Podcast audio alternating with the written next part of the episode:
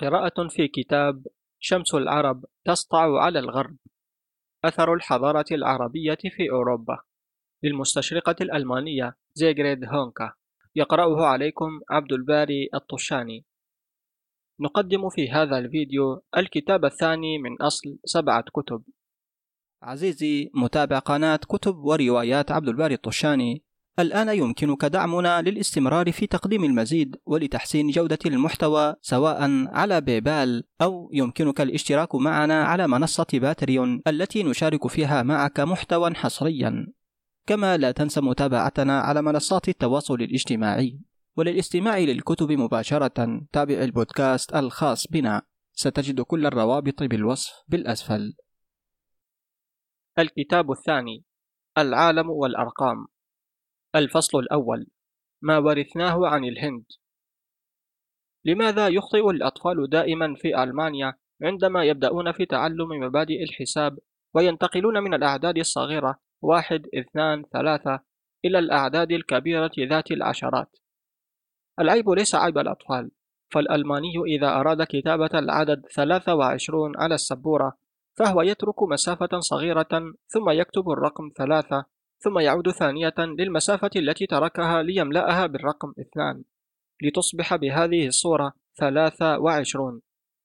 ولو اندمج طفل في الكتابة ولم ينتبه وكتب الأرقام بالترتيب حسب سماعه إياها تبعا للنطق بها لكتب ثلاثة أولا ثم اثنان فتصبح خطأ اثنان وثلاثون بدلا من ثلاثة وعشرون. وتتسع شقة الخطأ إذا ما تقدم التلميذ خطوة أخرى ليكتب أرقام المئات فهو بعد أن تعود أن يكتب خمسة وثمانون مبتدئا بالخمسة ثم بالثمانية يجد الطفل نفسه في حيرة إذا أراد أن يكتب العدد 123 مثلا. حين ينطق فهو يبدأ من اليسار إلى اليمين فيكتب الرقم واحد ثم يقفز ليكتب الرقم ثلاثة ثم يعود ثانية ليكتب الرقم اثنان الذي يحتل مركز الوسط. وفيما بعد سيعلم هذا الطفل أن شعوبا كثيرة لا تكتب الأرقام بمثل تلك القفزات التي يكتب بها. فالفرنسي يهبط الدرجة بانتظام من المئات إلى العشرات إلى الآحاد. فيقول ين ترويس ويقول الإنجليزي 23 ويقول الروسي 23 أي عشرون وثلاثة. فالنطق يطابق المكتوب. أما الألماني فيكتب مثلهم ثلاثة وعشرون ولكنه لا ينطقها عشرين وثلاثة كالآخرين من إنجليز وفرنسيس وروس وغيرهم بل ينطقها ثلاثة وعشرون. إن تلك العادة الألمانية هي نفسها العادة العربية في بناء الأعداد حتى الماء تماما ككتابتهم من اليمين إلى اليسار فيقولون ثلاثة وعشرون أو خمسة وثمانون. لقد كان شارلمان ينطق العدد 153 قائلا مائة وخمسون وثلاثة وانقسم الناس بعد ذلك فريقين. بعضهم ينطق الآحاد قبل العشرات وبعضهم ينطق العشرات قبل الآحاد.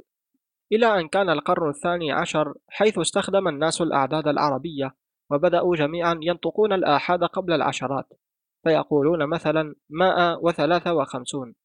وهكذا اتبع الألمان نظام قراءة الأعداد عند العرب. ولسنا نحن الألمان الناس الوحيدين في هذا فكل الأمم المتحضرة تستخدم اليوم الأرقام التي تعلمها الجميع عن العرب. ولولا تلك الأرقام لما وجد اليوم دليل تليفونات أو قائمة أسعار أو تقرير للبورصة. ولما وجد هذا الصرح الشامخ من علوم الرياضة والطبيعة والفلك بل لما وجدت الطائرات التي تسبق الصوت. لقد كرمنا هذا الشعب الذي من علينا بذلك الفضل الذي لا يقدر حين أطلقنا على أرقام الأعداد عندنا اسم الأرقام العربية. ولكن العرب أنفسهم يؤكدون أنهم قد أخذوا أرقامهم عن الهنود وهم يسمونها بالأرقام الهندية. وسنحاول أن نتتبع موكب الأرقام العربية في رحلتها الطويلة من الهند إلى أن وصلت إلى الغرب لتصبح تراثا عالميا. كما أننا سنحاول التعرف على الطرق الخفية التي سلكتها جماعاتها الأولى والمعارك المريرة التي خاضتها. فنحن أبناء العصر الحديث نعلم النتائج فقط ولم نرى المعركة إلا في نهايتها. دون أن نعلم شيئا عن أصلها وتطورها وانتشارها حتى وجدت لها من بلادنا موطنا. لم يكن لشعوب البحر المتوسط ذات الحضارات أرقام خاصة بها. لقد كتب المصريون الأرقام واحد واثنين وثلاثة على شكل خطوط عمودية متجاورة. ولما كان الخط الأفقي يعبر عندهم عن الرقم أربعة فقد كتبوا الثمانية على شكل خطين أفقيين أحدهما فوق الآخر. وتكونت الأعداد عندهم من خطوط ونقط ربطتها رسوم أخذت عن الهيروغليفية لتكون العشرة والمئة والألف. وكتب البابليون أرقامهم مستخدمين أشكالا مسمارية أفقية وعمودية تحدد عددها ووصفها بالنسبة إلى بعضها قيمة كل عدد من الأعداد. واستخدم الإغريق منذ زمن سولون حتى قبل المسيح بقرن الحروف الأولى لكلمات الأعداد في كتابة الأعداد نفسها. وبكتابة أي عدد كبير يحتوي على عدد من الأرقام في الآحاد والعشرات والمئات كانت الهوة بين نطق الأرقام وشكلها في الكتابة تبدو سحيقة. وظهر عند الإغريق منذ عام 500 قبل الميلاد. ذلك النظام لكتابة الأعداد وكانوا قد تعلموه هو وحروفهم الأبجدية عن شعوب سامية من الفينيقيين والمبرانيين. ويبدو لأول وهلة أن الرومان استعانوا أيضا في كتابة الأعداد بحروفهم الأبجدية. ولكن الواقع أن التشابه بين حروفهم الأبجدية وأرقام أعدادهم هو محض صدفة. فالأرقام الرومانية في الأصل خطوط عمودية تصف بجوار بعضها لترمز إلى الأعداد. فالثمانية مثلا كانت تكتب على شكل ثمانية خطوط عمودية متجاورة. وتوحدت كل عشرة خطوط وحل محلها ذلك الرمز X وحل نصف هذا الرمز على الخمسة فصارت تكتب بهذا الشكل V. وهكذا تكونت الأرقام الرومانية حتى الألف. وترجع هذه الرموز عامة إلى عصر لم تكن الحروف الأبجدية قد عرفت بإيطاليا. ثم تطورت تلك الرموز على مر الزمان لتتخذ شكل الحروف الأبجدية. واحد على شكل I خمسة على شكل V عشرة على شكل X خمسون على شكل L مائة على شكل C خمسمائة على شكل D ألف على شكل M وكان للتشابه العرضي بين رموز العدد مائة والعدد ألف وبين الحروف الأولى لهاتين الكلمتين سنتوم وملي أثر في تسهيل استخدام الحروف الأبجدية كأرقام. تطورت واكتملت في العصور الوسطى. ولم تكن الأرقام الرومانية لتحل المشكلة. فالفرق كبير بين كتابة الأرقام ونطقها. فكل عدد حتى الأعداد الصغيرة يتكون من أرقام عديدة ذات قيم مختلفة تشبه في قيمتها واختلافها قطع النقود. فبينما الرومان يقولون كوادرنجنتي أكتوجنتا سيبتم أي 487 فإنهم كانوا يكتبون هذا العدد مائة مائة مائة مائة خمسون عشرة عشرة عشرة خمسة واحد واحد. وعلى الرغم من وضوح تلك الأعداد وسلاستها عند التحدث بها فقد كانت كتابتها صعبة غير مرتبة وتقود إلى الخطأ كما كانت العمليات الحسابية باستخدام هذه الأرقام شبه مستحيلة. وقد وضعت هذه الأرقام حدا لقدرتهم على كتابة الأعداد الكبيرة. ذلك أن هذه الرموز المتعددة لم تكن لتستطيع أن تتناول الأعداد الضخمة. فالعمود المقام في سوق روما كتذكار للنصر البحري الأول لروما ضد قرطاجة عام 260 قبل الميلاد للمعركة التي وقعت بالقرب من مايالاي نقش عليه مليونان ومائتا ألف. رسمت بجوار بعضها لتعبر عن هذا العدد الذي ذكر في النص المكتوب ولم تكن أرقامهم تلك لتسمح بغير هذا الوضع الغريب. وكان الهنود هم الشعب الوحيد الذي تخلص من هذا النظام العقيم في تكوين الأعداد من سلسلة الرموز أو الرسوم. فقد أوجدوا لكل رقم شكلا واحدا يدل عليه ويكتب به. وهو يكتسب قيمته تبعا لموضعه في خانة الآحاد أو العشرات أو المئات أو الألوف.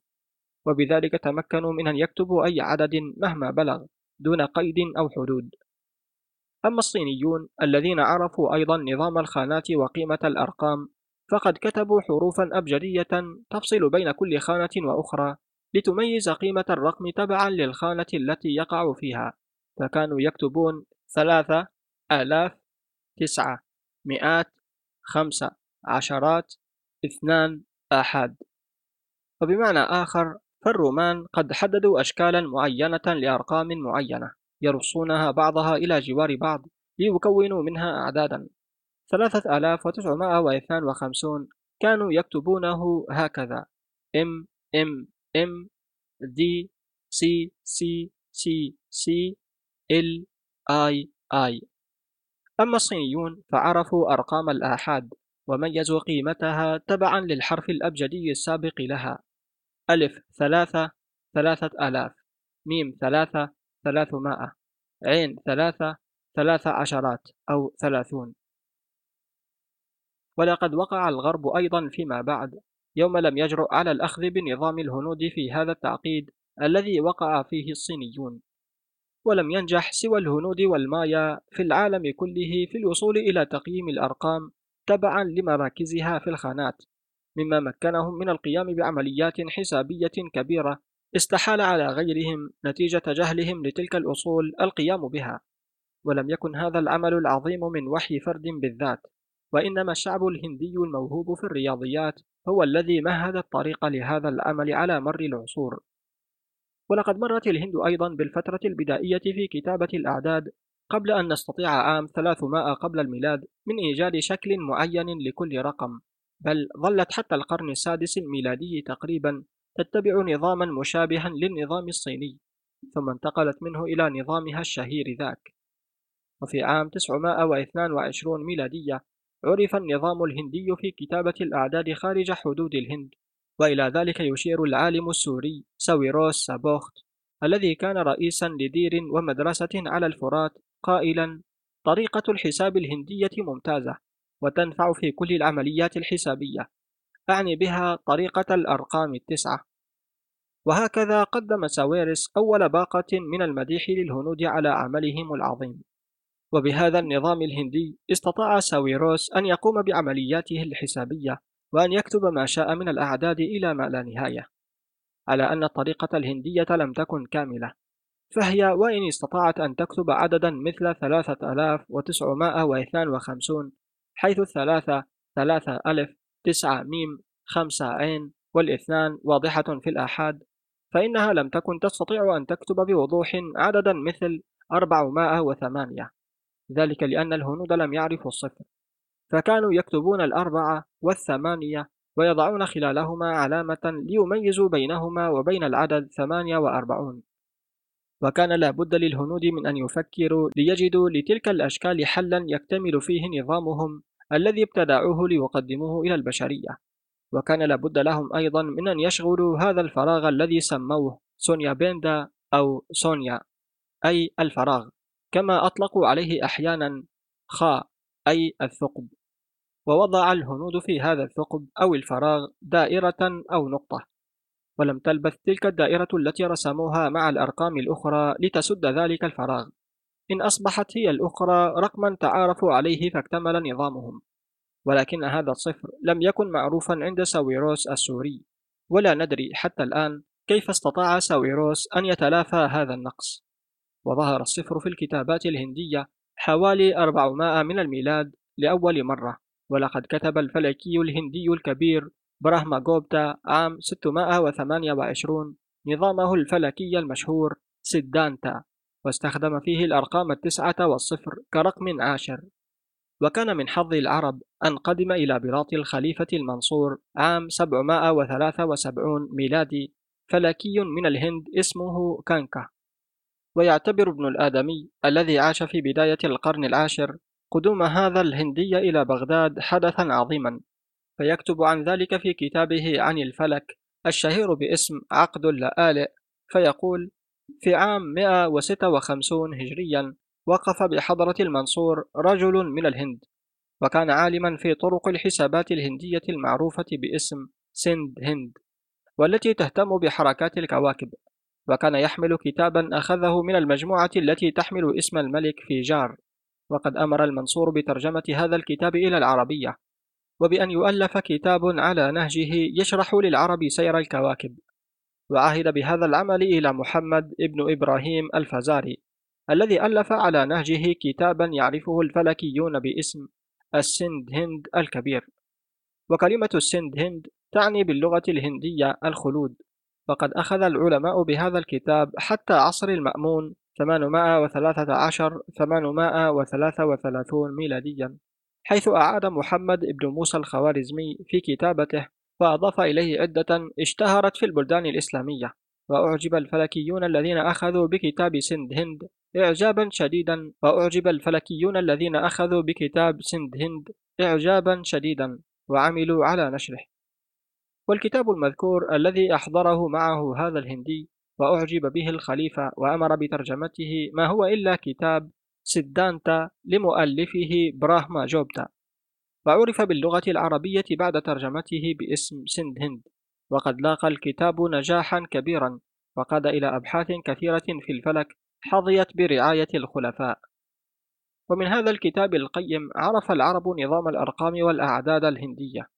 ففي ولايته كان الخليفة عبد الملك بن مروان الذي امتدت دولته حتى إسبانيا قد حرم استخدام اللغة اليونانية في أعمال دولته ودواوينها وأحل محلها اللغة العربية. ولكنه لم يستطع أن يلغي نظام الأرقام والأعداد اليونانية بل تركها على ما كانت عليه لأنه لم يجد آنذاك نظاما أحسن منها ليستعين به. ولكن ما كادت الأرقام الهندية تعرف في العالم الإسلامي حتى انتشرت انتشارا سريعا في الدواوين والمتاجر. ولقد تطلب هذا التحول إلى النظام الهندي جهدا كبيرا ليترك الناس النظام القديم الذي ألفوه على الرغم من صعوبته وليدركوا معنى الخانات وقيمتها والصفر والدور الذي يمثله. ولم تكن العملية مجرد إحلال هذه الأرقام محل تلك وإلا لهان الأمر بل كانت تحولا كاملا في طرق الحساب والتفكير مما استلزم جهدا لنشرها بين المتعلمين والتجار. وقد ألف الخوارزمي كتابا بين فيه ذلك النظام الهندي وطريقة استخدامه عمليا وضرب من الأمثلة على ذلك ليسهل على رجال المال والتجار والموظفين عملهم كما قدم العديد من الأمثلة لتقسيم الميراث بين مستحقيه. كما نص على ذلك القرآن بطريقة مبسطة بدلا من تلك العمليات الحسابية المعقدة التي كانت شائعة. والخوارزمي هو أحد أئمة العلماء في عصره الذين جذبهم المأمون إلى بلاطه وألف الخوارزمي كتبا عدة في الجغرافيا والفلك ترجمها بعد ثلاثة قرون العالم الإنجليزي أدلارد فون باث إلى اللاتينية وعرف بها الغرب. وكتب للخوارزمي الخلود بتأليفه كتابين هامين في الرياضيات حمل الأول منهما اسم حساب الجبر والمقابلة. يضم مجموعة ممتعة من المشاكل الرياضية التي يعنينا أمرها في الحياة العملية. وحينما ترجم هذا الكتاب إلى اللاتينية في العصور الوسطى حمل معه اسمه العربي لتصبح كلمة الجبر الجبرا كلمة عالمية تخلد اسم صاحبها. وكان كتابه الثاني كتابا تعليميا صغير الحجم في علم الحساب شرح فيه استخدام نظام الأعداد والأرقام الهندية. كما شرح طرق الجمع والطرح والقسمة والضرب وحساب الكسور. ونقل هذا الكتيب إلى إسبانيا وترجم إلى اللاتينية في القرن الثاني عشر. وقد حمل الكتاب المترجم إلى الأراضي الألمانية وترجع أول نسخة منه إلى عام 1143 وهي مكتوبة بخط اليد وموجودة في مكتبة البلاط في فيينا. ووجدت النسخة الثانية منه في دير سالم وهي محفوظة الآن بهايدلبرغ. ولم يلبث الألمان أن جعلوا من الخوارزمي شيئا يسهل عليهم نطقه فأسموه الجوريزموس ونظموا الأشعار باللاتينية تعليقا على نظرياته. ولم يقتصر الخوارزمي على تعليم الغرب كتابة الأعداد والحساب فقد تخطى تلك المرحلة إلى المعقد من مشاكل الرياضيات. وما زالت القاعدة الحسابية الجوريثموس حتى اليوم تحمل اسمه كعلم من أعلامها. وعرف أنصاره في إسبانيا وألمانيا وإنجلترا الذين كافحوا كفاحا مريرا من أجل نشر طريقته الرياضية باسم الخوارزميين. وكان ظفرهم على أنصار الطريقة الحسابية المعروفة باسم أباكوس عظيما. فانتشرت الأرقام العربية التسعة يتقدمها الصفر في كل أنحاء أوروبا. بيد أن ذاكرة التاريخ ضعيفة فإنه لم يأتي القرن الثالث عشر إلا وقد جهل الناس أصل كلمة الجوريثموس. ومن الأمور المسلية أن نرى الباحثين في ذلك العصر وهم يجهدون أذهانهم في البحث عن أصل تلك الكلمة ويطرقون أبواب كل الحضارات والعلوم القديمة بحثا عن أصلها ولا يتطرق لذهن واحد منهم أن يبحث عنها عند العرب. فيقول أحدهم إن كلمة الجوريثموس تتكون من مقطعين أليوس ومعناها غريب وغوروس ومعناها الملاحظة فيكون معنى الكلمة كلها ملاحظة الغريب من الأشياء. ويقول آخر إنها تتكون من كلمة أرجس أي الإغريقية وكلمة موس أي اصطلاح فهي تعني الاصطلاحات الإغريقية.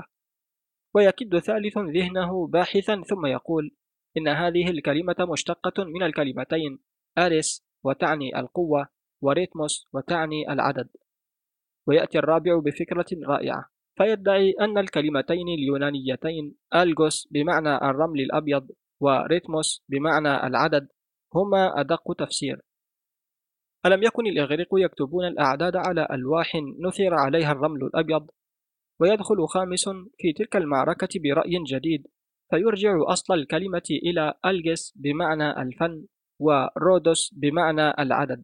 أي إن الجوريثموس تعني فن الأعداد. ويأتي سادس بحل للمشكلة في منتهى البساطة فيقول إن هذه تنسب للملك ألغوروس الهندي ويمر السابع بالحل الصحيح من بعيد فيلمسه لمسا طفيفا فيقول إن هذه الكلمة تتكون من أداة التعريف العربية ال ومن الكلمة الإغريقية أريثموس بمعنى العدد. أما الحرف جي الزائد فلم يأبه به البتة لأن مثل هذا الحذف كان كثيرا ما يحدث في الترجمة من اليونانية إلى العربية ومن العربية إلى اللاتينية. وظلت الحال على هذا المنوال إلى أن كان عام 1845 وتعرف فرنسي يدعو رينو على اسم الخوارزمي كأصل لكلمة الجوريثموس فوضع بذلك حلا صحيحا لمشكلة اختلفت فيها الآراء طويلا. وعندما نقل الغرب عن العرب أرقامهم نقلوا معها طريقتهم في قراءة الأرقام من اليمين إلى اليسار الآحاد أولا ثم العشرات. والخوارزمي حين تناول في كتابه موقع الصفر في عمليات الجمع والطرح مثل 38 ناقص 28 يساوي 20 قال في عمليات الطرح إذا لم يكن هناك باق نضع صفرا ولا نترك المكان خاليا حتى لا يحدث لبس بين خانة الآحاد وخانة العشرات ويضيف إن الصفر يجب أن يكون عن يمين الرقم لأن الصفر عن يسار الاثنين مثلا لا يغير من قيمتها ولا يجعل منها عشرين وسنرى فيما يلي أن المترجمين الغربيين للمصادر العربية قد ترجموها حرفيا إلى اللاتينية ونقلوا منها نظام كتابتها وقراءتها عند العرب أي من اليمين إلى اليسار. ولم يكن الخوارزمي أول من قدم الأرقام العربية للغرب ففي نهاية القرن العاشر قام عالم غربي بكتابتها وتعليمها لتلاميذه ولكنه لم يستطع أن ينشرها بين قومه لأسباب خارجة عن إرادته. ولم يكن هذا العالم المعلم إلا رجلا متواضعا اسمه جيربرت. تطورت به الأحداث حتى صار علما في عصره. فصادق القياصرة واعتلى كرسي البابوية باسم البابا سيلفستروس الثاني. ولم يعرف الغرب قبل هذا الرجل علم الرياضيات. ولم تكن الأديرة لتهتم برياضيات الإغريق. وكانت الكنيسة قد أعلنت صراحة عداءها وعدم ثقتها بكل ما هو إغريقي. ولم يكن ليوجد في الأديرة في ذلك العصر سوى بعض الكتب الرياضية لبعض المؤلفين من الرومان أمثال بوسيوس الذي كان صفيا للملك ثيودريك والذي أعدمه الملك لشكه في خيانته واعتبره المسيحيون شهيدا من شهداء العصور الوسطى. وربطت هذه الكتب في الأديرة بالسلاسل لندرتها وخوفا من ضياعها. أما كتب أعلام الإغريق فقد أوصدت الأديرة في وجهها كل باب. أنا أعجب بعد هذا والأوضاع على ما كانت عليه من أن نرى رجلا مثل جيربرت المتعطش للعلم يبحث عن ضالته المنشودة خارج تلك الأديرة ويأخذ عن العرب ليفيد ويستفيد ويزيد من معارفه واطلاعه. لقد كان لموقفه الغريب من أقرانه أكبر الأثر في جذب العديد من الطلاب إليه لدراسة الرياضيات. لقد بدأ ربيع جديد مفعم بالحياة بعد شتاء طويل قارس. قناة كتب عبد الباري الطشاني على اليوتيوب. الفصل الثاني البابا يحسب بالعربية. كان ذلك في عام 945 ميلادي حين وضعت يد مجهولة طفلا ملفوفا بقماط بال أمام باب أحد الأديرة والتقط الرهبان الطفل المسكين ليرعوه ويطلقوا عليه اسم جيربرت. وعاش جيربرت في دير أورياك عشرين عاما إلى أن زار الدير ذات يوم الكونت بوريل البرشلوني واجتذبه ذكاء الفتى. ونال جيربرت إذنا من الرهبان باصطحاب الكونت إلى وطنه عبر البرانس. وكان الكونت بوريل قد لاقى على يد العرب في الأندلس هزائم متكررة مما اضطره كغيره من الأمراء الأسبان إلى إرسال الوفود إلى قرطبة لطلب الصلح.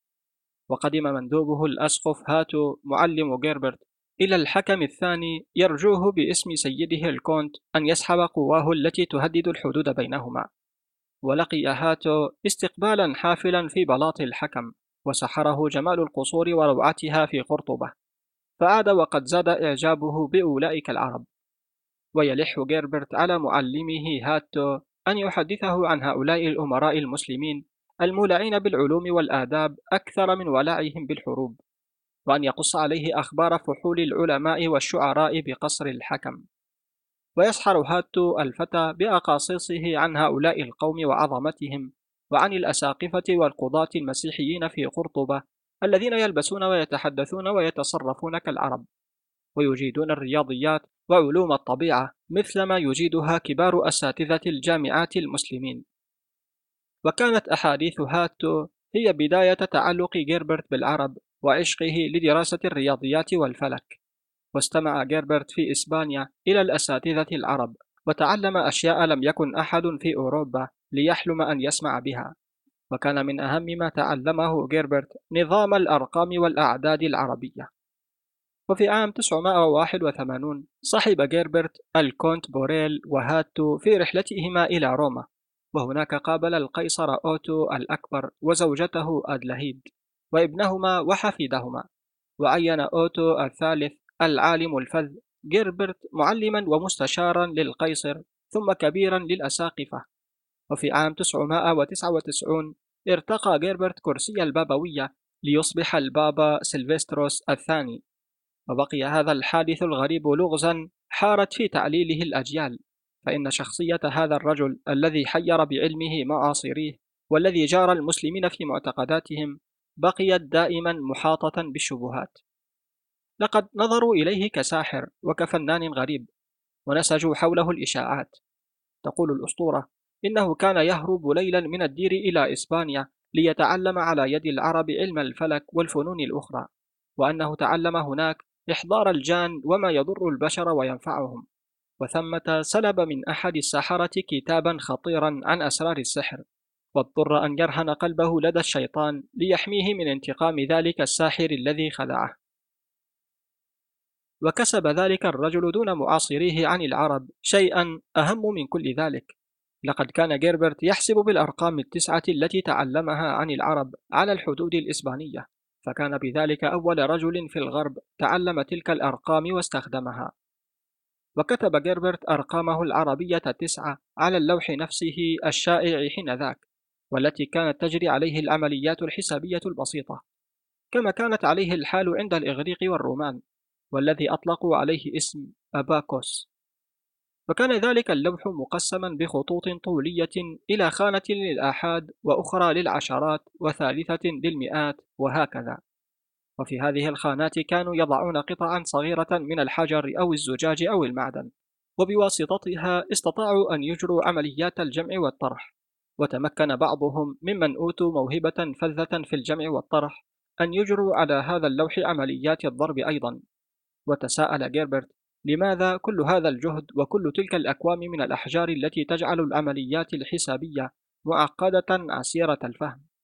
ألا يكفي أن يكتب الرقم العربي خمسة في خانة الآحاد والرقم ستة في خانة العشرات لتقرأ بمنتهى السهولة خمسة وستين؟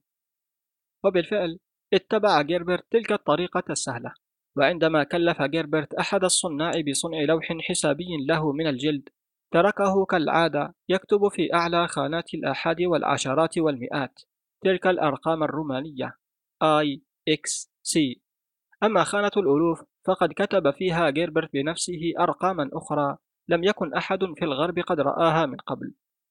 وكما امتازت تلك الأرقام بشكلها الغريب فقد كانت أسماؤها أيضا غاية في الغرابة وإن كان جيربرت نفسه لم يسجلها لنا فقد سجلها من بعده رادولف فون لاون في القرن الثاني عشر فسمى الواحد آيجن والاثنين أندرس والثلاثة آرمس والأربعة آربس والخمسة كويماس والستة ساليتس والسبعة زينس والثمانية تيمنياس والتسعة زيلينتس وهذه التسميات وإن كانت كلها مأخوذة عن الأرقام العربية إلا أن تلك الأسماء الجديدة المحرفة قد أبعدت الصلة بينها وبين أصلها العربي ويدعي رادولف نفسه ليزيد من غموض الموضوع وأهميته أنه قد أخذها عن الكلدانيين. وظل العلماء زمنا طويلا يجهدون أنفسهم لمعرفة أصل تلك الأرقام حتى عرفوا بعد جهد أنها عربية الأصل. ونسب رادولف للكلدانيين أيضا اختراع طريقة الحساب المتبعة آنذاك والمعروفة باسم أباكوس وعلى الرغم من هذا فقد ظهر أثر العرب وفنهم في الكتابة من اليمين إلى اليسار عند علماء الغرب ومنهم رادولف نفسه الذي أعد لوحه الحسابي من اليمين إلى اليسار. ونشر برنيدينوس وهو من تلامذة جيربرت كتاب أستاذه عن قواعد لوح الحساب كما ألف هو نفسه كتابا آخر عن الطريقة الحسابية أباكوس ولكن هذه الأرقام لم تنتشر برغم سهولتها بين عامة الناس وذلك لأنه لم يكن ممكنا استخدامها في الكتابة أو الحساب. فقد أحلها برنيلينوس مثلا محل الأباكوس على لوحه الحسابي ولكنه في كتابه الذي ألفه لم يستطع أن يستخدمها بل استعمل الأرقام الرومانية. وكان هذا التصرف ضرورة حتمية لأن جيربرت وتلاميذه لم يكونوا قد عرفوا الصفر بعد. فكتابة العدد ألف واثنان على اللوح الحسابي كانت ممكنة بوضع حجرين في خانة الآحاد وحجر واحد في خانة الألوف مع ترك خانتي العشرات والمئات خاليتين. أما كتابة هذا العدد فكانت مستحيلة دون معرفة للصفر. لأن العدد سيبدو هكذا اثنا عشر. وليس ألفا واثنين كما هو مطلوب. وبذلك فشل جيربرت وتلاميذه في نشر تلك الأرقام. وكان دخول تلك الأرقام العربية على لوح الحساب الروماني كدخول مجموعة من الممثلين الأجانب على خشبة المسرح مع إجبارهم على تمثيل دور لا يناسبهم ومنعهم من تقديم فنهم هم الذي يجيدونه ولكن كيف نسي جيربرت إحضار الصفر معه إلى الغرب حين تعلم الأرقام عن العرب؟ الحقيقة أن جيربرت لم ينسى شيئا بالمرة فالصفر حتى ذلك الوقت لم يكن قد عرف في الأندلس وكان الأندلسيون يضعون نقطة أو نقطتين أو ثلاثا فوق خانات الآحاد والعشرات والمئات وهكذا.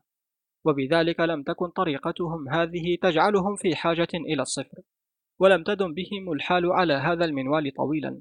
فسرعان ما تعلموا عن عرب المشرق الصفر كرقم وأدخلوه في زمرة أرقامهم. والأرقام التي استوردها جيربرت من الأندلس كانت أقدم من أرقام الخوارزمي العشرة التي كانت تختلف في شكلها عن أرقام الأندلس. ومن المحتمل جدا أن تكون الأرقام الهندية التسعة قدمت إلى الأندلس من الهند عبر الإسكندرية عن طريق التجار قبل أن يفد كانكا الفلكي الهندي بأرقامه العشرة إلى بغداد. ويذكر البيروني عالم الرياضيات العربي أن الحروف الأبجدية وكذلك الأرقام اختلفت لدى الهنود أنفسهم في إقليم ما عنه في إقليم آخر. وقد استطاع البيروني خلال رحلاته المتعددة في الهند أن يتعرف على علومهم ولغتهم وأن يشرح لنا كيف اتخذ العرب الأرقام الهندية دون أن يأخذوا عن الهنود شكل تلك الأرقام. ويذكر الخوارزمي نوعين لشكل الأرقام الهندية كان يكتبها العرب وبقي أحدهما إلى يومنا هذا. وهو الذي ساد في الشرق العربي بينما اندثر الشكل الآخر الذي كتبت به الأرقام في غرب العالم الإسلامي والذي هو أصل شكل الأرقام الأوروبية الآن. ولكن ذلك المجد الذي أحرزه جيربرت بوصفه أول من نقل الأرقام العربية إلى الغرب. لم يلبث أن زال وانمحى لمدة ثمانية قرون طوال بسبب كتاب آخر سلب منه هذا الشرف. والكتاب الذي خدع أجيالا من العلماء وزيف التاريخ وشوه عمل جيربرت هو كتاب هندسة بوتيوس ولقد نال هذا الكتاب شهرة عظيمة في العصور الوسطى وكان يستخدم الأرقام الهندية. ولا عجب أن يتلهف الناس على هذا الكتاب لأن ما جاء فيه من أرقام هندية يعني أن الغرب كان على علم بتلك الأرقام واستخدامها في القرن الخامس حيث عاش بوتيوس أي أن الغرب كان يعرف تلك الأرقام قبل أن يسمع عنها العرب بزمن طويل. وادعى الناس أن بوتيوس قد عرف تلك الأرقام واستخدمها في عملياته الحسابية. ولكن الغرب فقدها ولم يستعدها إلا في القرن الحادي عشر حين عثر على مخطوطات بوتيوس مرة ثانية. وظل ذلك الادعاء سائدا ثمانية قرون حتى أن ألكسندر فون هومبولت نفسه قد أيد هذا الادعاء وهو يتساءل في كتابه كوسموس الكون صفحة 263 الجزء الثاني. ألا يستنتج الإنسان أن تلك الأرقام وصلت إلى الشرق وإلى الغرب أيضا في الوقت نفسه وأنها انتشرت هنا وهناك على حد سواء؟ غير أن جميع هذه التخمينات أثبتت خطأها فقد ثبت أن كتاب هندسة بوتيوس ليس إلا كتابا مزيفا من كتب القرن الحادي عشر وقد أخذ مؤلفه عن عدة مراجع دون أن يذكرها وكان من أهم تلك المراجع مخطوطات جيربرت الذي أخذ عنها قواعد الجمع والأرقام العربية. إن أول من تعلم تلك الأرقام في الغرب هو جيربرت عالم الرياضيات ومعلمها وباب الكنيسة. وأول من تعلم تلك الأرقام وعلمها في الشرق هو ساويروس مدير المدرسة والدير على الفرات. وكلاهما لم يكتب له النجاح في نشرها لأن كل منهما عرف الأرقام التسعة فقط. ولم يسمع بوجود الصفر على الرغم من أهميته الكبيرة. وفي الشرق كما في الغرب مثل الكتاب دور الوسيط فقد ترجم كتاب برهما بأرقامه العشرة إلى العربية عام 776 ميلادي أي بعد ساويروس بمائة وأربعة عشر عاما. وفي الغرب ترجم كتاب الخوارزمي إلى اللاتينية فعرف الغرب لأول مرة الأرقام العشرة بما فيها الصفر. ثم جاء طور نشر تلك الأرقام بين عامة الناس. وقد قام بذلك الدور في الشرق الخوارزمي الذي عاش في بلاط المأمون وأخرج بمؤلفاته تلك الأرقام من محيط العلم والعلماء إلى حيز الاستعمال اليومي في المعاملات. كما أتيح لتلك الأرقام في أوروبا فرصة الخروج من الأديرة إلى الحياة العامة. ولكن بعد صراع مرير وما زلنا اليوم نملك شاهدا على ذلك في الرسومات الصغيرة للقصائد التي نظمها توماسين فون زيكلر وهو شاب من رجال الكنيسة في البندقية أحب الألمان وأعجب بهم فنظم لفرسانهم وأمرائهم كتابا عن فلسفة الأخلاق وأهداه إليهم شعرا. وكان توماسين في الثانية والعشرين من عمره حين بدأ عام 1215 ميلادي فنظم أشعاره هذه وأنهاها عام 1216 وهي تحوي 12 ألف بيت من الشعر. وفي العام ذاته رسم له أحد أصدقائه ما يزيد على مائة رسم ليزين بها قصائده. وفي عرض للفنون السبعة الحرة يظهر الرسام فيثاغورس في صورة مع أريسماتيكا وهما يلبسان ملابس عصر الرومان ويشيران بالسبابة إلى لوحة صغيرة كتبت عليها الأعداد واحد ثلاثة تسعة سبعة وعشرون بالأرقام العربية. كما ظهرت أرقام عربية أخرى في لوحة الموسيقى في ذكرى عام 1216 ميلادي. ومما لا شك فيه أن رأسم تلك اللوحات كان فردا عاديا ليس من كبار العلماء وأنه كتب تلك الأرقام على أنها أشياء مألوفة للناس في ذلك العصر وقد تعارفوا عليها. على أن ذلك لا يعني بالمرة أن تلك الأرقام في ذلك العصر قد صارت لغة التعامل الدائم بين الناس وفي حساباتهم. فلم يتح لتلك الأرقام أن تحتل مكانتها التي هي عليها الآن في العالم إلا على يد رجل آخر هو ليوناردو ألبيزي. ولم يكن ليوناردو قد تلقى تعليمه في الأديرة ولم يكن ما ألفه في صومعة راهب. لقد أصبح وهو الرجل العادي الذي نصادف الملايين من أمثاله كل يوم. أول مفكر حر في الرياضيات عرفه الغرب وأحد نوابغ الرياضيات عامة في أوروبا كلها. لقد تعلم ذلك الإصامي من رحلاته العديدة التي بحث فيها عن العلم بنفسه وهضم ما قرأه ليبسطه للناس حتى يسهل عليهم استخدامه في حياتهم اليومية. ولئن كانت الموجات الحضارية الأولى قد وصلت الغرب عن طريق الأندلس فإن الموجة الثانية أتت من إيطاليا لتغمر الغرب بنور جديد. وكان مركز ذلك الإشعاع بلاط القيصر فريدريك الثاني. وكان ليوناردو في طليعة من حملوا المشاعل. لقد وجد الغرب في شخص ليوناردو موهبة فذة تهبه ما وهب الخوارزمي قومه في الشرق. قناة كتب عبد الباري الطشاني على اليوتيوب. الفصل الثالث. تاجر يعلم الغرب. ولد ليوناردو في بيزا عام 1180 ميلادي. وكانت بيزا آنذاك تعج بخليط غريب من الشعوب ويذكر راهب من رهبان القرن الثاني عشر منزعجا كيف أن المدينة كانت تموج بعدد ضخم من الكفرة من الأتراك والليبيين والفرس والعرب القذرين على حد قوله وكيف أنهم يعطون المدينة وجها قبيحا همجيا. وكان ميناء الصيد الصغير بيزا قد كسب من صراعه مع العرب في سردينيا وصقلية مركزا هاما وثروة كبيرة وأفادت بيزا سواء عن عقيدة دينية أو عن رغبة دنيوية من الحروب الصليبية وأصبحت حلقة الاتصال بين تجارة الشرق والغرب. فاستعمرت أهم المراكز التجارية على السواحل وأقامت الفنادق على سواحل البحر الأبيض المتوسط من القسطنطينية عبر جبال طوروس والإسكندرية حتى بوجايا وسبتة وعمل والد ليوناردو كرئيس للمركز التجاري البيزي في بوجايا على الساحل الإفريقي الجزائري. ونحن لا نعرف شيئا عن اسم عائلته. وكل ما ذكره ليوناردو في كتبه هو اسم والده أي الطيب. واسم والده بوناتشيو أي الطيب.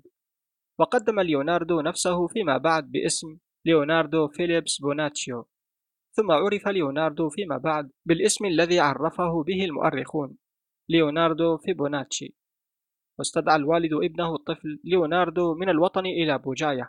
وكان الوالد كسكرتير بيزي في الديوان يختلط بتجار الجلود العرب القادمين من الصحراء والمغرب. واعتاد مكرها أم راضيا على طرق كتابتهم وحساباتهم السريعة. وكان من الطبيعي لإعداد ابنه لمثل وظيفته في التجارة أن يسلمه إلى معلم عربي يعلمه الحساب. وأولع الصبي شغفا بالأرقام الهندية وطرق استخدامها ولم يلبث أن تعلم الضرب والقسمة وأجادهما. كما علمه مدرسه سيدي عمر حساب الكسور على أحدث الطرق التي كانت تدرس في المدارس العليا ببغداد والموصل. وتعلم ليوناردو الجذور وحل المعادلات ذات المجهول الواحد وذات المجهولين وغيرها من المعادلات التي شرحها أبو كامل وعمر الخيام وابن سينا والبيروني. وبينما كان معاصروه يتلهون بين الحانات والمقاهي ويترددون على الموانئ ومواخرها كان ليوناردو يتلاعب بالأرقام. لقد صحبت تلك الهواية الفتى فترة تعلمه للتجارة وازداد تعلقه بها يوم عهد إليه أبوه بأعماله التجارية وزار الفتى طورس وكورنثا وسبتة وتونس. كما تردد على مكتبات الإسكندرية ودمشق وناقش كبار علماء القاهرة. ودرس كل ما حوته مخطوطات كبار الرياضيين من الإغريق والهنود والعرب. وألف ليوناردو وهو في الثالثة والثلاثين من عمره كتابه الشهير لايبر أباتشي باللغة اللاتينية. ويقول موريتس كانتور عن هذا الكتاب يا له من كتاب قيم. إننا نعرف عددا كبيرا من الكتب المعاصرة المتعلقة بهذا الفرع من العلوم. ولكن ليس فيها كلها كتاب واحد يضارع هذا الكتاب. إننا لا نستطيع أن نتصور أن هذا الكتاب صدر في أوائل القرن الثالث عشر ولا يمكننا أن نتصور وجود تلك القدرات الخارقة في بلاط الملك. ولم يكن غريبا أن يتنبه القيصر فريدريك الثاني إلى تلك الدرة النادرة وهو الملك المتعمق في دراسة الرياضيات وعلوم العرب. ولم يكد ليوناردو ينسخ كتابه للمرة الثانية حتى أهداه لفيلسوف القصر ميشال ومنذ ذلك الحين زاد تردد ليوناردو على القصر ليشترك مع القيصر في مناقشات علمية تناولت كثيرا من النظريات الرياضية. وكان ليوناردو قد ألف في عام 1220 ميلادي كتابا هندسيا صغيرا كان أول ما أثار انتباه القيصر العائد من إيطاليا توا بعد تتويجه. وزاد رغبته في التعرف إلى ذلك العالم النابغة. وقد رتب يوحنا أستاذ الفلسفة بالبلاط المقابلة الأولى لليوناردو مع القيصر وقرأ يوحنا مقدما كل ما كتبه ليوناردو من مخطوطات ولكنه كان يعلم تمام العلم أن معلوماته في الرياضيات على سعتها لن تؤهله لمناقشة ليوناردو فما كان منه إلا أن استعان بالعالم العربي ثيودروس الأنطاكي. وكان ثيودروس قد درس الرياضيات دراسة عميقة على يد العالم العربي الكبير كمال الدين بن يونس ثم جذبته شهرة فريدريك الثاني فغادر الشرق ليعمل في بلاط القيصر جنوبي إيطاليا. واجتمع ثيودروس ويوحنا وعلماء القصر ووضعوا عددا من الأسئلة الرياضية الصعبة ليختبروا بها ليوناردو عند مقابلته للقيصر. وتمت المقابلة وكان أكبر نصر أحرزه ليوناردو. فقد أذهل الحاضرين جميعا بإجاباته على مشاكل رياضية كثيرة لا علم لهم بحلها. وأدرك القيصر وثيودروس الأنطاكي الذي قرأ للفارابي وابن سينا وأفليدس وبطليس أنهما أمام موهبة نادرة فاقت في أبحاثها الإغريق والعرب. وسجل ليوناردو بنفسه أخبار تلك المقابلة في مخطوطتين ذكر فيهما المسائل الرياضية التي عرضت عليه. والحلول التي ذكرها هو لتفسيرها. وعلى الرغم من هذا فإنه ليس من الواضح لنا حتى الآن كيف استطاع في ذلك الحين أن يتوصل إلى حلول بعض تلك المشاكل الرياضية التي أثبتت النظريات الحديثة صحتها. ويعلق على ذلك المؤرخ المدقق كانتور قائلا لقد امتدحنا ليوناردو بعد أن قرأنا كتابه الأول ولكننا في الواقع بعد قراءة تلك المخطوطات لا ندري بأي لغة نكيل له الثناء. إن الكلمات لا تعجز عن إكرامه. وكتب ليوناردو الفصل الأول من كتابه لايبر أباتشي عن الأرقام العربية فقال إن الأرقام الهندية التسعة وبواسطتها جميعا علاوة على تلك العلامة صفر التي تسمى الصفر العربي فإنه يمكن كتابة أي عدد مهما كان. ودهش الناس لذلك. فالصف يبدأ إذا قرأنا كالغربيين من اليسار إلى اليمين بالتسعة وينتهي بالواحد. ولكن ليوناردو كان يقرأ كالعرب من اليمين إلى اليسار وحتى الكسور كان يكتبها إلى يسار الأعداد الصحيحة فيكتب مثلا واحد ونصف على هذه الصورة الواحد على اليمين والنصف على اليسار. وكان علمه معلمه العربي وهو صبي فقد شرع ليوناردو العالم في تعليم الغرب تلك الأرقام بما فيها تلك العلامة دائرة التي يسميها العرب صفرا. وتاريخ كلمة الصفر جدير بالاهتمام لأنها هي كلمة زيفر نفسها التي نرددها اليوم في ألمانيا دائما بمعنى الرقم صفر. لقد اتخذ الهنود تلك العلامة الدائرة كرمز للفراغ الذي تركوه بين الأرقام. وعندما تعلم العرب الأرقام الهندية بما فيها هذه العلامة وعرفوا أهميتها ترجموا كلمة سونيا الهندية بمعنى الفراغ إلى العربية فأصبحت الصفر. وكما أخذ ليوناردو عن العرب طريقتهم في كتابة الأرقام من اليمين إلى اليسار. كذلك فقد أخذ عنهم كلمة الصفر وكتبه باللاتينية سيفيروم. وفي إيطاليا تحولت كلمة ليوناردو هذه إلى زيفرو ثم إلى زيرو. وفي فرنسا قال الناس عنه تيفري بمعنى الرقم الغريب. وما زالت تلك الكلمة حتى اليوم تستعمل بمعنى الكتابة السرية. وتحورت الكلمة في إنجلترا إلى سيفر ثم إلى زيرو. وفي ألمانيا نطقها الناس زيفر ولكن الشعب الذي لم يكن يعرف شيئا عن كتابة الأرقام وقراءتها قد اتخذ من كلمة الصفر رمزا لتلك الأرقام الغريبة على فهمه والتي سمع عنها دون أن يدرك مدلولها أو طرق استخدامها. وأصبحت كل تلك الأرقام التسعة والصفر يطلق عليها الأصفار. زيفرن. وكانت تلك التسمية سببا ومدعاة إلى اللبس فلم يكن من اليسير التعرف على ما يعنيه المتكلم من كلمة أصفار. هل يعني بذلك الأرقام من واحد إلى تسعة أم يعني بذلك الصفر الحقيقي؟ ويذكر مخطوط يرجع تاريخه لعام 1356 ميلادي. هذه المشكلة قائلا. على الرغم من أن لكل رقم من الأرقام التسعة اسما خاصا به فإن الناس تسميها عن طريق الخطأ الشائع بالأصفار. ولذلك سمي الصفر نولا فيغورا أي الشكل الذي ليس بالرقم تمييزا له عن بقية الأرقام التي تعارف الناس على تسميتها بالأصفار. وتطورت تلك التسمية للصفر فأصبح يسمى نولا ثم نول كما هو الآن في اللغة الألمانية. وفي اللغة الروسية كذلك. قناة كتب عبد الباري الطشاني على اليوتيوب. الفصل الرابع. الصراع المرير. وبعد أن انتشرت تلك الأرقام العربية في إيطاليا كان عليها أن تعبر جبال الألب إلى أوروبا وكانت رحلتها شاقة محفوفة بالعقبات. فقد نظر الكثيرون إليها نظرة الشك والريبة وتساءل رجال المال والأعمال ألا يمكن بمنتهى السهولة لمن شاء الخداع أن يغير الصفر مثلا ليصبح ستة؟ إن الطريقة الجديدة تسهل علينا أعمالنا. ولكنها تفتح باب الخداع على مصراعيه فكيف نؤمنها في إبرام العقود والمواثيق؟ ولكن الأرقام الجديدة بدأت برغم هذا تثبت وجودها فيكفي كتابة أربعة أرقام على كنيسة لنسجل عام بنائها واستهوت تلك الأرقام السهلة الناس فكتبوها على مقابر الموتى ثم دخلت رويدا رويدا إلى سجلات الموظفين والتجار فحلت محل الأرقام الرومانية الطويلة التي كانت تشغل صفحات وصفحات.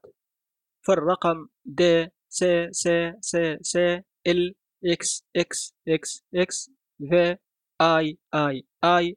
أصبح يكتب بثلاثة أرقام بسيطة هكذا تسعة تسعة ثمانية. واحتاج الأمر برغم كل هذا إلى عدة قرون قبل أن تخر الأرقام الرومانية صريعة إلى غير رجعة. فالأرقام الرومية كانت هي الأرقام الرسمية. منذ علم الرومان الجرمان نقشها على مبانيهم ونقودهم ونشروها عن طريق تجارهم وجيوشهم وأديرتهم. ونسي الناس على مر السنين أن تلك الأرقام غريبة عليهم. فالألمان مثلا غضبوا لتلك الأرقام العربية الوافدة. وكان من الصعب على الناس أن يتعلموا كتابة الأرقام العربية الجديدة وقراءتها. فنظموها أراجيز تربط بين شكل الأرقام العربية وأشكال أخرى مألوفة لهم حتى يسهل حفظها وكتابتها. فتقول الأرجوزة بخليط من الكلمات اللاتينية والألمانية الواحد كلسان الميزان والإثنان تشبه العكاز والثلاثة كذيل الخنزير والأربعة تشبه السجق. أما الخمسة فتشبه الموج والستة كالنفير والسبعة تشبه الحربة والثمانية كالسلسلة والتسعة كالصلجان والصفر يشبه الخاتم. والخاتم إلى جوار لسان الميزان يكون العشرة والخاتم بمفرده لا قيمة له. وغنى الناس تلك الكلمات ما شاء لهم أن يغنوا فلم يمنع هذا الأرقام الرومانية من أن تصارع الأرقام الجديدة قصد المزيد من البقاء. وكان تفهم الناس لمعنى الخانات وقيمة الأرقام في العشرات أو المئات أكبر مشكلة واجهت الراغبين في تعلم الأرقام العربية. وركزت عشرات من كتب الحساب مجهودها في إفهام الناس معنى الخانات وطرق استخدام تلك الأرقام. ووقع الناس في حيرة من أمرهم. فهم لا يستطيعون نسيان ما اعتادوا عليه قرونا طوالا من أرقام رومانية. وهم في الوقت نفسه يتوقون إلى تعلم تلك الأرقام العربية البسيطة. فهذا يخلط بين الأرقام الرومانية والأرقام الجديدة دون وعي أو إدراك لقيمة الأرقام. فيكتب العدد 1482 بهذه الصورة. M C C C C ثمانية I I وذاك يكتب عام 1515 هكذا. واحد خمسة إكس خمسة. وعام 1503 هكذا. واحد خمسة آي آي آي. وحاول مؤلف آخر.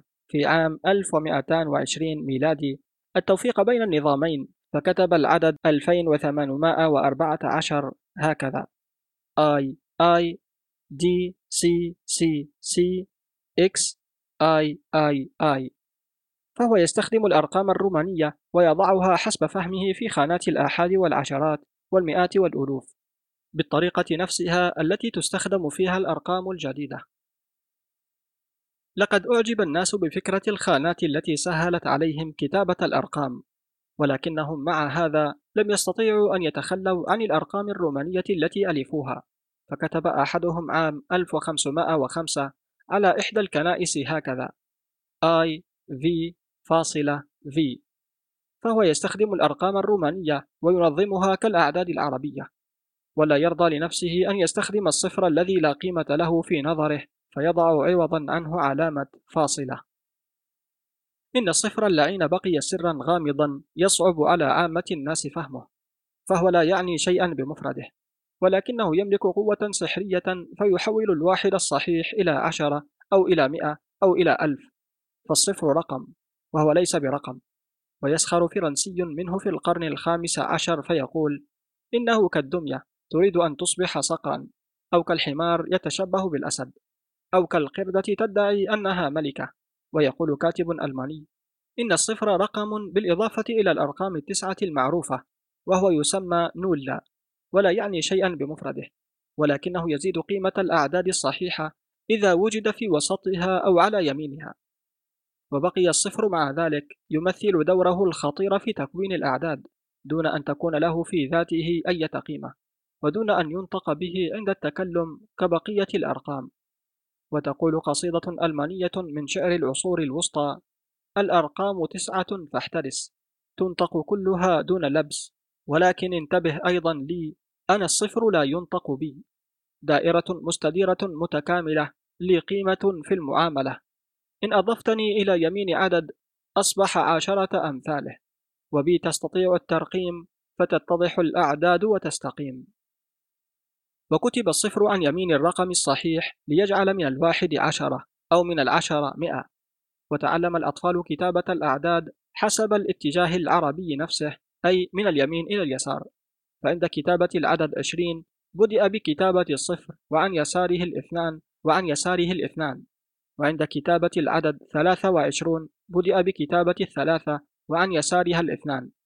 وكان العدد كذلك يقرأ من اليمين إلى اليسار ثلاثة وعشرون. فناسخ ترجمة كتاب الخوارزمي في الحساب الذي وجد في دير سالم والذي يرجع إلى عام 1200 ميلادي. سجل على الكتاب بعض أفكار عنت له فيقول كل رقم أصله الواحد الصحيح والواحد الصحيح أصله الصفر. ثم يستطرد برغم خطأ تعليقه هذا حسابيا فيقول إن الله يتمثل في ذلك الصفر الذي لا نهاية له ولا بداية. وكما لا يمكن للصفر أن يتضاعف أو يقسم كذلك الله لا يزيد ولا ينقص. وكما أن الصفر يجعل من الواحد الصحيح عشرة إن وضع عن يمينه. كذلك فإن الله يضاعف كل شيء آلاف المرات. والواقع أنه يخلق كل شيء من العدم ويبقيه ويسيره. ويحاول بعضهم تجنب الصفر فيكتب أحدهم العدد 202 سي سي 2 ويكتب آخر العدد 300 آي آي آي فاصلة. وهي طرق ذاتها التي تبعها الصليبيون يوم كانوا لا يعرفون الصفر. واستعمل آخرون طريقة أخرى لتجنب الصفر. فتبعوا منطوق اللغة الذي يقرأ العدد 1502 فيقول 15102 فكتبوا ذلك العدد مثلا x v c نقطتان i i وآخرون اتخذوا من الصفر صديقا. فاستخدموه حتى قبل أن يستخدموا الأرقام الهندية التسعة فكتبوا العدد 1502 بهذه الصورة. I V دائرة I I فاستخدموا الأرقام الرومانية وفي وسطها الصفر العربي. وما كان أحد من الرومان ليستطيع قراءة مثل ذلك العدد لو كتب له بهذه الطريقة. ومن هذا يتضح لنا مدى الصعوبات التي لاقتها الأرقام العربية. ومدى الجهد الذي بذلته تلك الأرقام حتى قضت على غريمتها الأرقام الرومانية العتيقة. وكانت مشكلتها العويصة بعد كل هذا هو أن يتعرف عليها عامة الناس الذين لا يعرفون القراءة والكتابة. ولعل إهمال مارغريت بائعة الملابس القديمة لتلك الأرقام العربية في درة غوتفريد كيلر كان أكبر دليل على ما لاقته تلك الأرقام العربية من إهمال أول الأمر. ويصف كيلر ذلك في روايته قائلا وفي المنزل المقابل وجدت قاعة مظلمة مليئة بالخرق والملابس القديمة وبين تلك الأكداس جلست امرأة سمينة في ملابس رثة وكانت تلك المرأة على قدر ضئيل من العلم فهي تقرأ بصعوبة الحروف المطبوعة لكنها لا تستطيع أن تكتب أو أن تحسب بالأرقام العربية ولقد حاولت تعلم تلك الأرقام دون جدوى. وكانت كل ما تعرفه من الأرقام الرومانية أربعة أرقام فقط هي الواحد والخمسة والعشرة والمئة. وكانت قد تعلمت تلك الأرقام المتداولة منذ مئات السنين في صباها المبكر وما زالت تحافظ عليها ككنز ثمين. ولكنها برغم ذلك كانت على أتم الاستعداد في كل لحظة لأن تحصي بضاعتها التي كانت تصل في بعض الأحيان إلى بضعة آلاف قطعة من الملابس. فكان يكفي أن تلقي نظرة على منضدتها لتعرف رصيدها. لقد ملأت منضدتها هذه بأعمدة من الأرقام الأربعة التي لا تعرف سواها. وكلما أحصت مارغريت عمودا منها في الذاكرة بللت إصبعها ومحت ما كتبت واكتفت بكتابة مجموع ذلك العمود. وبهذا كانت تحصل على مجموعات صغيرة من الأرقام لا يعرف غيرها معناها أو مدلولها. فلم تكن تلك الأرقام جميعها لتتكون إلا من أرقامها الأربعة التي لا تعرف سواها والتي كانت تبدو لغيرها دائما كما لو كانت رموزا سحرية قديمة. ولما كانت الأرقام العربية قد لاقت أول الأمر ذلك العنت وبقيت محاطة بالغموض فإن هذا لم يدم طويلا إذ سرعان ما صار الناس يسخرون من أولئك المتلمعين الذين ما زالوا يستخدمون الأحجار في حساباتهم. فيثيرون ضحك الناس عليهم. مثلهم في ذلك مثل من يأكل الحشائش ومنزله مليء بالأطعمة الشهية. وبانتشار المدن والتجارة ظهرت الحاجة الملحة للتعليم والمعرفة فخرجت المعارف المخزونة في الأديرة إلى النور ومن البيوتات التجارية الإيطالية حمل الألمان والفرنسيون والإنجليز والهولنديون معهم إلى بلادهم أخبار تلك العلوم. وما كان بالأمس وقفا على المدارس والجامعات أصبح بعد اختراع الطباعة ملكا للشعب كله. واعتنى معلمو الرياضيات بنشر الأرقام وطرق الحساب العربية في دروسهم وكتبهم التي ألفوها خصيصا لهذا الغرض. ولدينا دليل اليوم على كل هذا في تفسير آدم ريزا للأرقام الرومانية بالأرقام العربية ليسهل على الناس فهم الأعداد الرومانية. وكان ذلك عقب انتهاء حكم العرب في الأندلس.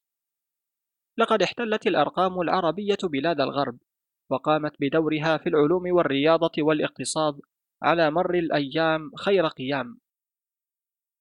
كان هذا هو الكتاب الثاني من أصل سبعة كتب لكتاب شمس العرب تسطع على الغرب بعنوان العالم والأرقام للمستشرقة الألمانية زيغريد هانكا. قرأه عليكم عبد الباري الطشاني. للاستماع لباقي أجزاء الكتاب أضف قائمة التشغيل الخاصة بالكتاب لديك.